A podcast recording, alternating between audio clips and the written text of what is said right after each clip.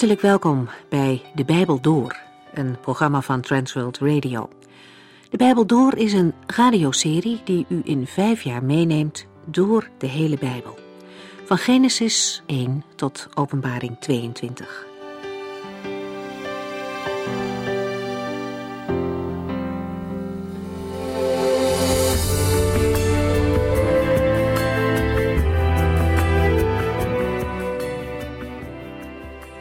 Bijbel Door is nu bezig met het Bijbelboek Rut. Mocht u de vorige afleveringen gemist hebben, dan kunt u die via de website alsnog beluisteren. www.transworldradio.nl Om er even op te pakken waar we gebleven zijn, een korte samenvatting. De afgelopen keren hebben we vooral over Rut en Naomi gesproken. Onderweg terug naar Bethlehem probeert Naomi haar schoondochters ervan te overtuigen dat ze beter terug kunnen gaan naar hun eigen volk en zelfs naar hun eigen goden.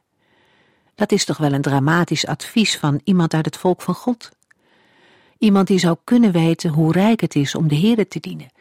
Iemand die zou moeten weten dat er geen leven om is buiten de God van Israël. Het kan heel correct klinken om te zeggen dat je de ander vrij moet laten om te geloven wat hij of zij wil. En natuurlijk is het niet mogelijk om iemands iets op te leggen. Maar het is geen zegen om de ander bij de levende God vandaan te houden. Waar mogelijk moeten we mensen over hem vertellen. Rut is vastbesloten om de God van Israël te dienen. Ze laat zich niet ompraten door haar schoonmoeder om haar bij God vandaan te houden. Naomi heeft het moeilijk. Haar omstandigheden zijn dan ook verdrietig. Ze heeft haar man en haar beide zonen verloren. Maar wat het nog moeilijker maakt, is dat ze denkt dat de Heere tegen haar is. Twee keer komt dat in dit gedeelte naar voren. En Rut zegt, uw God is mijn God. Maar Naomi zegt, de Heere is tegen mij en heeft mij veel ellende aangedaan. Het zal nog een poos duren voordat ze gaat zien hoe de Heere werkelijk is. In hoofdstuk 2 wordt een voorbeeld van de zorg van de Heere beschreven. God had in de wet geregeld dat men tijdens het oogsten de hoeken van het land ongemaaid moest laten. En bovendien moest er wat er achterbleef op het land blijven liggen. En daar mochten de arme mensen gebruik van maken. Ze moesten er wel zelf moeite voor doen, ze moesten het wel zelf halen, maar ze konden toch op die manier wat voedsel verzamelen. En zo komt Rut op de akker van Boas terecht. En daar gaat ze als arme vrouw aan het werk.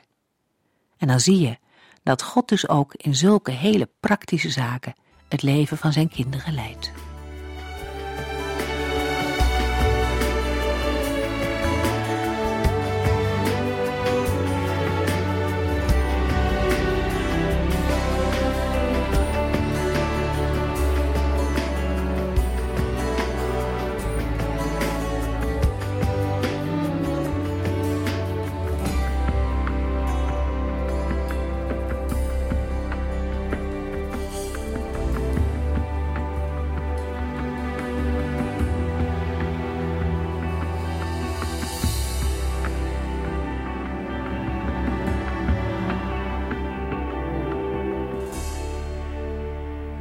In de vorige uitzending hebben we kennis gemaakt met Boas, de nieuwe hoofdpersoon naast Rut en Naomi. In de eerste verse van hoofdstuk 2 hebben we gelezen dat hij een familielid is van Naomi's overleden man Elimelech. De exacte graad van verwantschap wordt niet vermeld, maar essentieel is dat de verwantschap van de kant van Elimelech is en niet van Naomi, omdat het losserschap altijd via de mannelijke lijn loopt. De persoon en het karakter van Boas worden op kernachtige wijze beschreven. Hij is een integere, nobel mens en geniet hoog aanzien in Bethlehem. De uitdrukking in vers 1, hij was schatrijk, geeft aan dat hij een vermogend en invloedrijk man is met een voorname sociale status. Rut heeft kort na hun aankomst in Bethlehem aan Naomi haar plan voorgelegd om aren te gaan rapen. Rut 2, vers 2. Zal ik naar een van de akkers gaan en vragen of ik de aren op mag rapen die de maaiers laten vallen? Haar plan is om van het recht van de armen gebruik te maken. Haar voornemen zegt veel over haar karakter.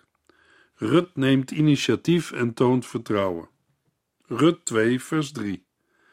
De akker waar zij naartoe ging, bleek van Boas te zijn. Als Rut op weg gaat om aren op te rapen, weet ze niet naar welke akker ze zal gaan. Hoe zal Rut de juiste akker vinden? Met deze vraag in het achterhoofd is het veelzeggend dat we hebben gelezen: de akker waar zij naartoe ging, bleek van Boas te zijn. Daarmee wordt benadrukt dat het hier niet om toeval gaat. Het is een heenwijzing naar de leiding van de Heere. Het is goed om ons te realiseren dat Rut er zelf op dat moment weinig of niets van heeft ervaren en het ook niet heeft geweten. Ze mag het achteraf constateren als Naomi in vers 20 uitroept: Prijs de Heere voor zo'n man. God is toch trouw aan de levenden en aan de doden. Deze Boas is een van onze naaste familieleden. Binnen onze menselijke waarnemingen kunnen dingen die gebeuren voor ons gevoel toevallig zijn, maar bij de Heer is dat niet zo. Het is ook zeker goed om voor de toevalligheden in het leven oog te hebben en te vragen en te bidden: Heere, waartoe geeft u deze ontmoeting, gebeurtenis of situatie? Wilt u mij iets duidelijk maken? Zegt u maar wat ik moet doen. Als we oog krijgen voor de toevalligheden die om ons heen gebeuren, zien we vaker Gods leiding dan we ons nu bewust zijn. De weg die de Heere Rut wijst naar de akker van Boas, beleeft zij op dat moment niet als bijzonder spectaculair. Met eerbied gesproken, er stond geen engel langs de kant van de weg die haar de weg heeft gewezen. Er kwam ook geen stem uit de hemel, en Rut kreeg ook geen visioen. Daarbij kan iemand vragen: hoe is Rut dan toch op de juiste akker terechtgekomen? Stel dat u het Rut zelf zou kunnen vragen. Wat denkt u dat ze dan zal zeggen? Ik denk dat Rut zal zeggen: Ik kwam er gewoon terecht. Pas later kwam ik erachter dat het de akker van Boas was. En van Naomi hoorde ik dat hij ook nog een van onze naaste familieleden is. De Heere geeft vaak leiding door heel gewone dingen die gebeuren in het leven van elke dag. Ik zou nu willen bidden en vragen: Heere, open mijn ogen, oren en hart, dat ik uw sturing zien mag en er niet aan voorbij leef. Natuurlijk kan de Heer ook op heel bijzondere manieren leiding geven. Maar het meest gebruikelijke vinden we in Psalm 119, vers 105. Uw woord is een stralend licht dat mij de weg door het leven wijst. Met de uitdrukking de weg door het leven mag duidelijk zijn dat daarmee niet een soort wegenkaart voor uw leven mee wordt bedoeld. Door Gods genade mag een leerling van Jezus zijn meester volgen. De meester weet waar hij naartoe gaat met zijn volgelingen, maar dat weten zijn volgelingen niet altijd direct. Vaak constateren en begrijpen zij dat pas achteraf. Ja, maar zal iemand denken: ik moet het nu weten? Dat briefje uit de hemel zou toch wel erg gemakkelijk zijn. Ik begrijp het, maar zo werkt het vaak niet. Als wij de weg niet weten, moeten we naar Hem, die alle dingen bestuurt en leidt naar Zijn eeuwige en ondoorgrondelijke wil. De Koragieten zingen in Psalm 48, vers 15: Kijk, zo is God. Hij is voor eeuwig onze God, en tot de dag dat wij sterven, is Hij bij ons en wijst ons de weg. Luisteraar, heeft u het vertrouwen in de Heere dat Hij u niet op een verkeerde weg zal leiden? Als de Heere de weg wijst, vraagt dat wel gehoorzaamheid om Zijn weg ook daadwerkelijk te gaan. Als een mens ongehoorzaam is, raakt hij of zij van de juiste weg af. Maar dat komt niet omdat de Heere de verkeerde weg heeft gewezen. Helaas hebben we dat aan onszelf te danken. Rut 2, vers 4 en 5. Diezelfde dag ging Boas kijken bij het werk op zijn akker. Nadat de maaiers en hij elkaar hadden begroet, vroeg hij de opzichter: Wie is die jonge vrouw daar? In deze verse krijgen we iets meer zicht op een werkdag op een akker in de tijd van de oogst. Elke eigenaar had een eigen akker die deel uitmaakte van een groot stuk land dat verdeeld was in, vaak met stenen, afgebakende delen. De delen behoorden toe aan verschillende eigenaren. Het deel van Boas zal in de buurt van zijn woonplaats Bethlehem hebben gelegen. Als hij op zijn akker komt, begroet hij zijn maaiers met de woorden: De Heere mogen met u zijn. Iedere gelovige Israëliet deed dat. Met deze woorden spreekt Boas in de naam van de Heere de zegenwens uit van Gods aanwezigheid over zijn werknemers. Zijn maaiers beantwoorden zijn groet op eenzelfde manier. De Heere zegene ook u. Na de begroeting vraagt Boas aan zijn opzichter: Wie is die jonge vrouw daar? Hij herkent haar niet als een van zijn binsters. Binsters zijn vrouwen die achter de maaiers aanlopen om de door hen gemaaide halmen tot garven te binden. Mogelijk heeft Boas wel gezien dat Rut druk bezig is aren te rapen.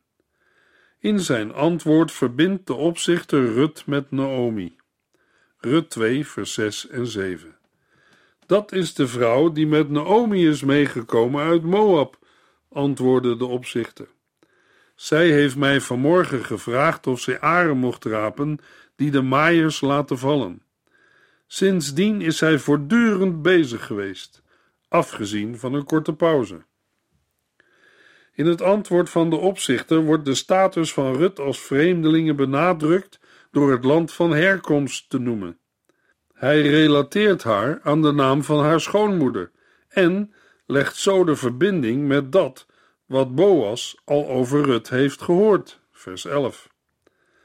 De opzichter vertelt wat Rut hem heeft gevraagd en voegt eraan toe dat zij vanaf dat moment voortdurend bezig is geweest met rapen. Rut heeft wel een korte pauze gehouden.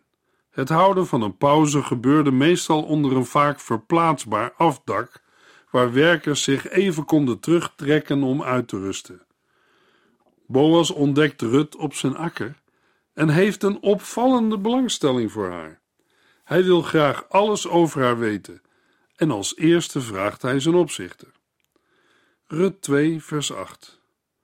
Boas liep naar haar toe en zei: Luister eens, blijf maar hier om aren te verzamelen. Je hoeft niet naar een andere akker te gaan. Loop maar vlak achter mijn arbeidsters aan. Na het gesprek met zijn opzichter spreekt Boas Rut aan. In de Hebreeuwse grondtekst gebeurt dat op een bijzondere manier. Boas zegt: Hoort u niet, mijn dochter? De vertaling van het boek is niet fout. Boas wil graag dat Rut naar hem luistert en dat zij begrijpt wat hij daarna gaat zeggen. Vanuit de grondtekst kunnen we er dan ook nog een paar dingen meer over zeggen. Uit de aanhef Hoort u niet, mijn dochter, kunnen we concluderen dat Boas ouder is dan Rut. Uit het vervolg blijkt dat hij haar nadrukkelijk opdraagt met een dubbele verbiedende wijs om niet naar een andere akker te gaan. De nadrukkelijke opdracht van Boas aan Rut heeft ermee te maken dat het totale land dat geoogst moet worden, als een soort lappendeken, verdeeld was in akkers van verschillende eigenaren, zodat de armen die aren komen rapen van de ene akker naar de andere konden gaan. Boas zegt tegen Rut dat zij bij zijn arbeidsters moet blijven. Maar dat is nog niet alles. Rut 2, vers 9. Ik heb mijn knechten gewaarschuwd dat ze je niet mogen lastigvallen. En als je dorst hebt, neem dan gerust wat water. Met de arbeidsters uit het vorige vers worden de bindsters bedoeld die achter de maaiers aan de halmen tot bundels samenbinden. Rut mag meteen achter hen aangaan om de aren te rapen. Dat is een gul aanbod. Het is meer dan alleen het oprapen van aren die tussen de schoven zijn gevallen of zijn achtergelaten op het veld. Het tekent Boas als een man die verder gaat dan het strikt handhaven van de bepalingen voor de armen in de wet. Boas voegt eraan toe dat hij zijn knechten heeft gewaarschuwd haar niet lastig te vallen of aan te raken. Daaruit blijkt dat zij kwetsbaar is en het gevaar bestaat dat oogstarbeiders intimiderend, beledigend en of handtastelijk konden worden. Rut krijgt ook te horen dat als ze dorst heeft, ze vrij van het water mag drinken. Water dat de knechten van Boas hadden geput. Een bijzondere mededeling, omdat het gebruikelijk was dat vrouwen water putten voor mannen. Daarbij komt nog dat het meestal vreemdelingen waren die dit werk voor de Israëlieten deden. Van aren plukken in de hete zon krijgt de mens dorst. Boas geeft Rut de ruimte en stelt zich nu al op als haar beschermer. Hier zijn twee dingen heel belangrijk. Hij nodigt niet alleen haar uit om in het veld te blijven, maar hij legt ook zijn beschermende mantel om haar heen. Rut 2, vers 10. Daarop boog ze diep voor hem. Waaraan heb ik deze vriendelijkheid te danken? vroeg zij. Ik ben immers maar een vreemdelinge. Overweldigd door de goedheid en vriendelijkheid van Boas en zijn welwillende houding, valt Rut op de grond. Een houding waarbij knieën en voorhoofd de grond raken. Ze doet dit als uitdrukking van dank en nederigheid. Rut vraagt: Waaraan heb ik deze vriendelijkheid te danken? Ik ben immers maar een vreemdeling. Rut had ervoor gekozen om met Naomi mee te gaan en Orpa niet. Mogelijk was voor Orpa de prijs te hoog. Om in die tijd als weduwe naar een vreemd land te emigreren betekende vaak dat je de rest van je leven in armoede moest doorbrengen en ook nog werd buitengesloten.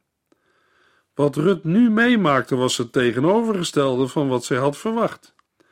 Toen ze naar de akkers ging om aren te rapen, had ze niet kunnen denken dat dit haar zou overkomen. In feite verwachtte ze dat iedereen haar links zou laten liggen en geen aandacht aan haar zouden schenken. Maar alles blijkt nu anders te lopen. De geschiedenis van Rut laat al zien dat er bij de heren geen barrières zijn op het gebied van ras, geslacht en afkomst. De Heer is in het bijzonder bewogen met zwakke armen en dat wat gebroken is. Hij zoekt naar dat wat verloren is, om zijn liefde en genade te tonen en te geven. Dat was al zo in het Oude Testament, maar is in het Nieuwe Testament nog steeds waar.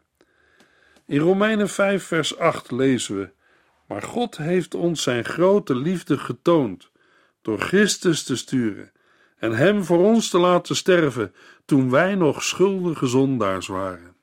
Dat is een liefde van de Heere die u in de wereld van vandaag niet vindt. Het is een zichzelf opofferende liefde van de Heere dat Hij zijn Zoon gaf voor u, jou en mij.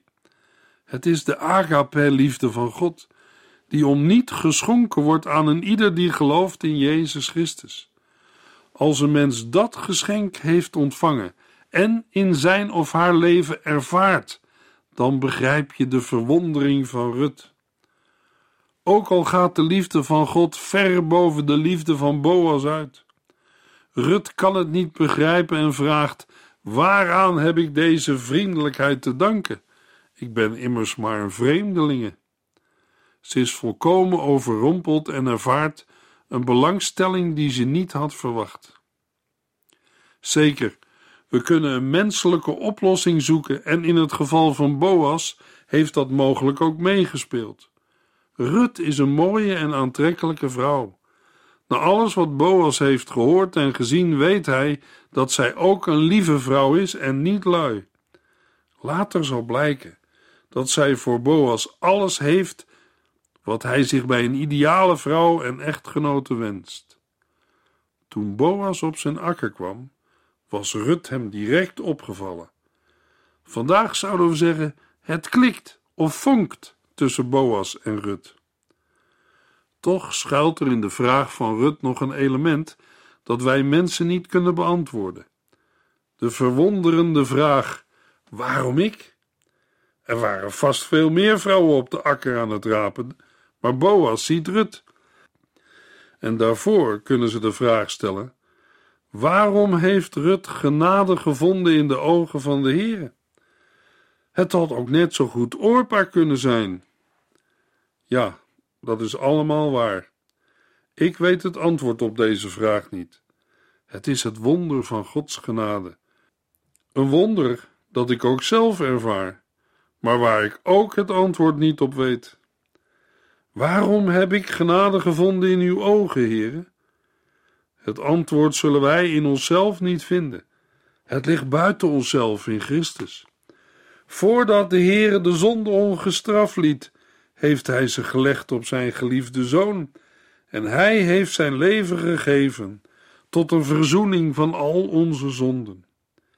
De Heere heeft ons zijn grote liefde getoond door Christus te sturen en hem voor ons te laten sterven toen wij nog schuldige zondaars waren.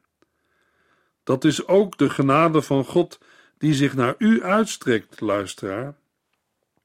Op grond van het verzoenende lijden en sterven van Christus en zijn opstanding wil de Heere redding schenken.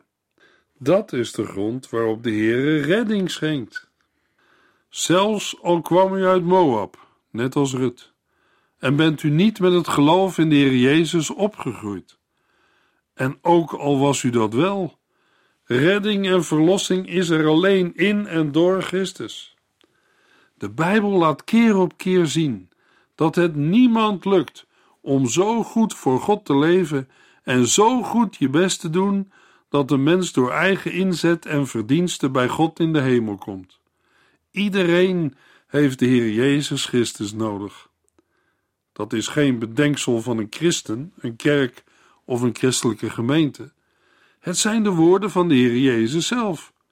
Ik ben de weg, de waarheid en het leven. Ik ben de enige weg tot de Vader. Johannes 14, vers 6. Kortom, zonder de Heer Jezus komt er geen mens in de hemel bij God.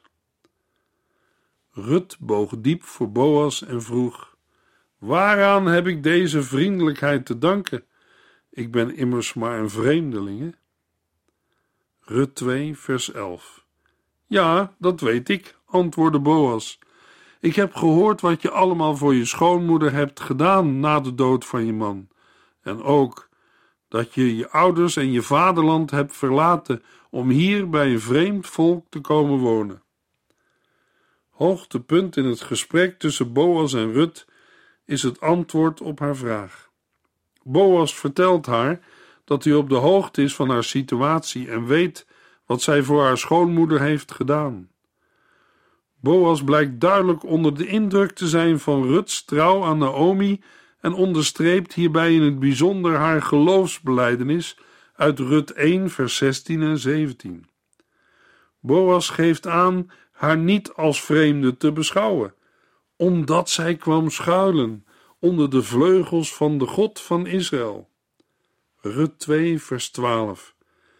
Mogen de Heere, de God van Israël, onder wiens vleugels je je toevlucht hebt gezocht, je hiervoor belonen. Boas vergelijkt Rut met een jonge vogel, die veiligheid en bescherming zoekt door te schuilen bij haar moeder. Een beeld dat te maken heeft met het opgenomen worden in het volk van God, door het geloof in de Heere, de God van Israël, en de toewijding aan Hem. Dat is niet in tegenspraak met het verbod in Deuteronomium 23.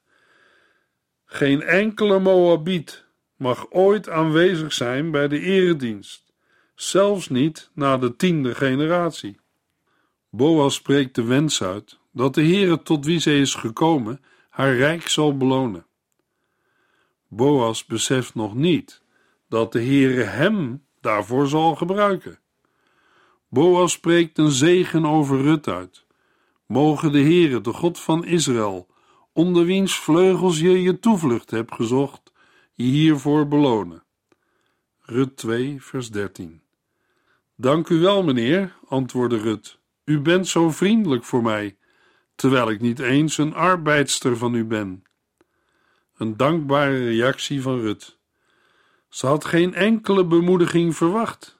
Ze had niet verwacht op een vriendelijke manier te worden aangesproken. Waarom niet? omdat ik niet eens een arbeidster van u ben.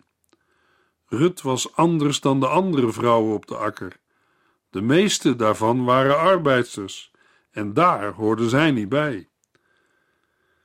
Voor de meeste mensen is anders zijn dan de rest een groot probleem. Als mens wil je graag ergens bij horen, een bepaalde uitstraling hebben en mogelijk specifieke kleren dragen. In de verschillende culturen van jongeren valt het misschien het meest op. Maar als ze allemaal bij elkaar zijn, dan ontdek je vaak, ook al zijn er verschillen, ze zien er voor een groot deel allemaal hetzelfde uit.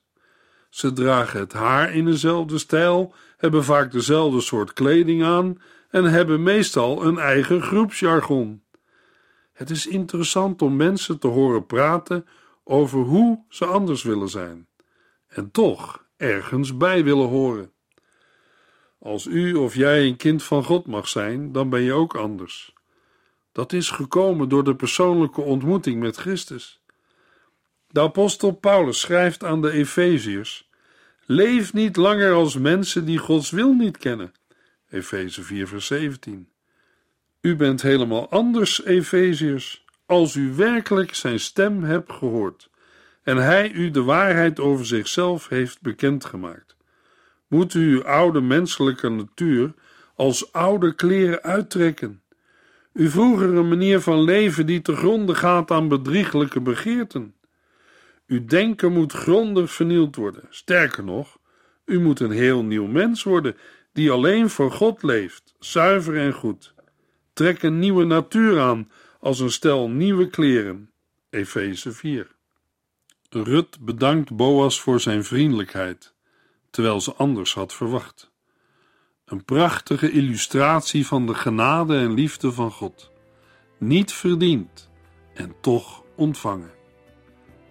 In de volgende uitzending lezen we verder in Rut 2, vers 14 tot en met 23.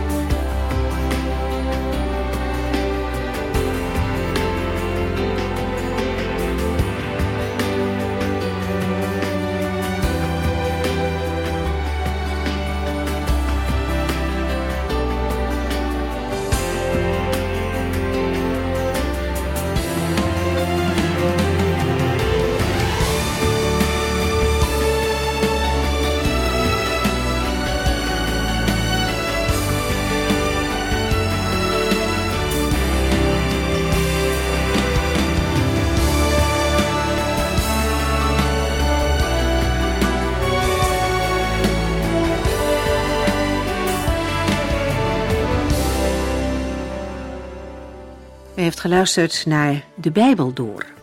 In het Nederlands vertaald en bewerkt door Transworld Radio. Een programma waarin we in vijf jaar tijd de hele Bijbel doorgaan. Als u wilt reageren op deze uitzending of u heeft vragen, dan kunt u contact met ons opnemen. Tijdens kantooruren kunt u bellen op 0342 47 8432. 0342 47 8432. 32. Ook kunt u een e-mail sturen naar de Bijbel door transworldradio.nl en natuurlijk kunt u ook via de post ons bereiken. TWR, postbus 371, postcode 3770, AJ in Barneveld. Dit programma werd gepresenteerd door Cor Weda en Ike André. Techniek was in handen van Odin van Woerdekom. En wij allemaal bedanken u voor het luisteren. Graag tot de volgende keer.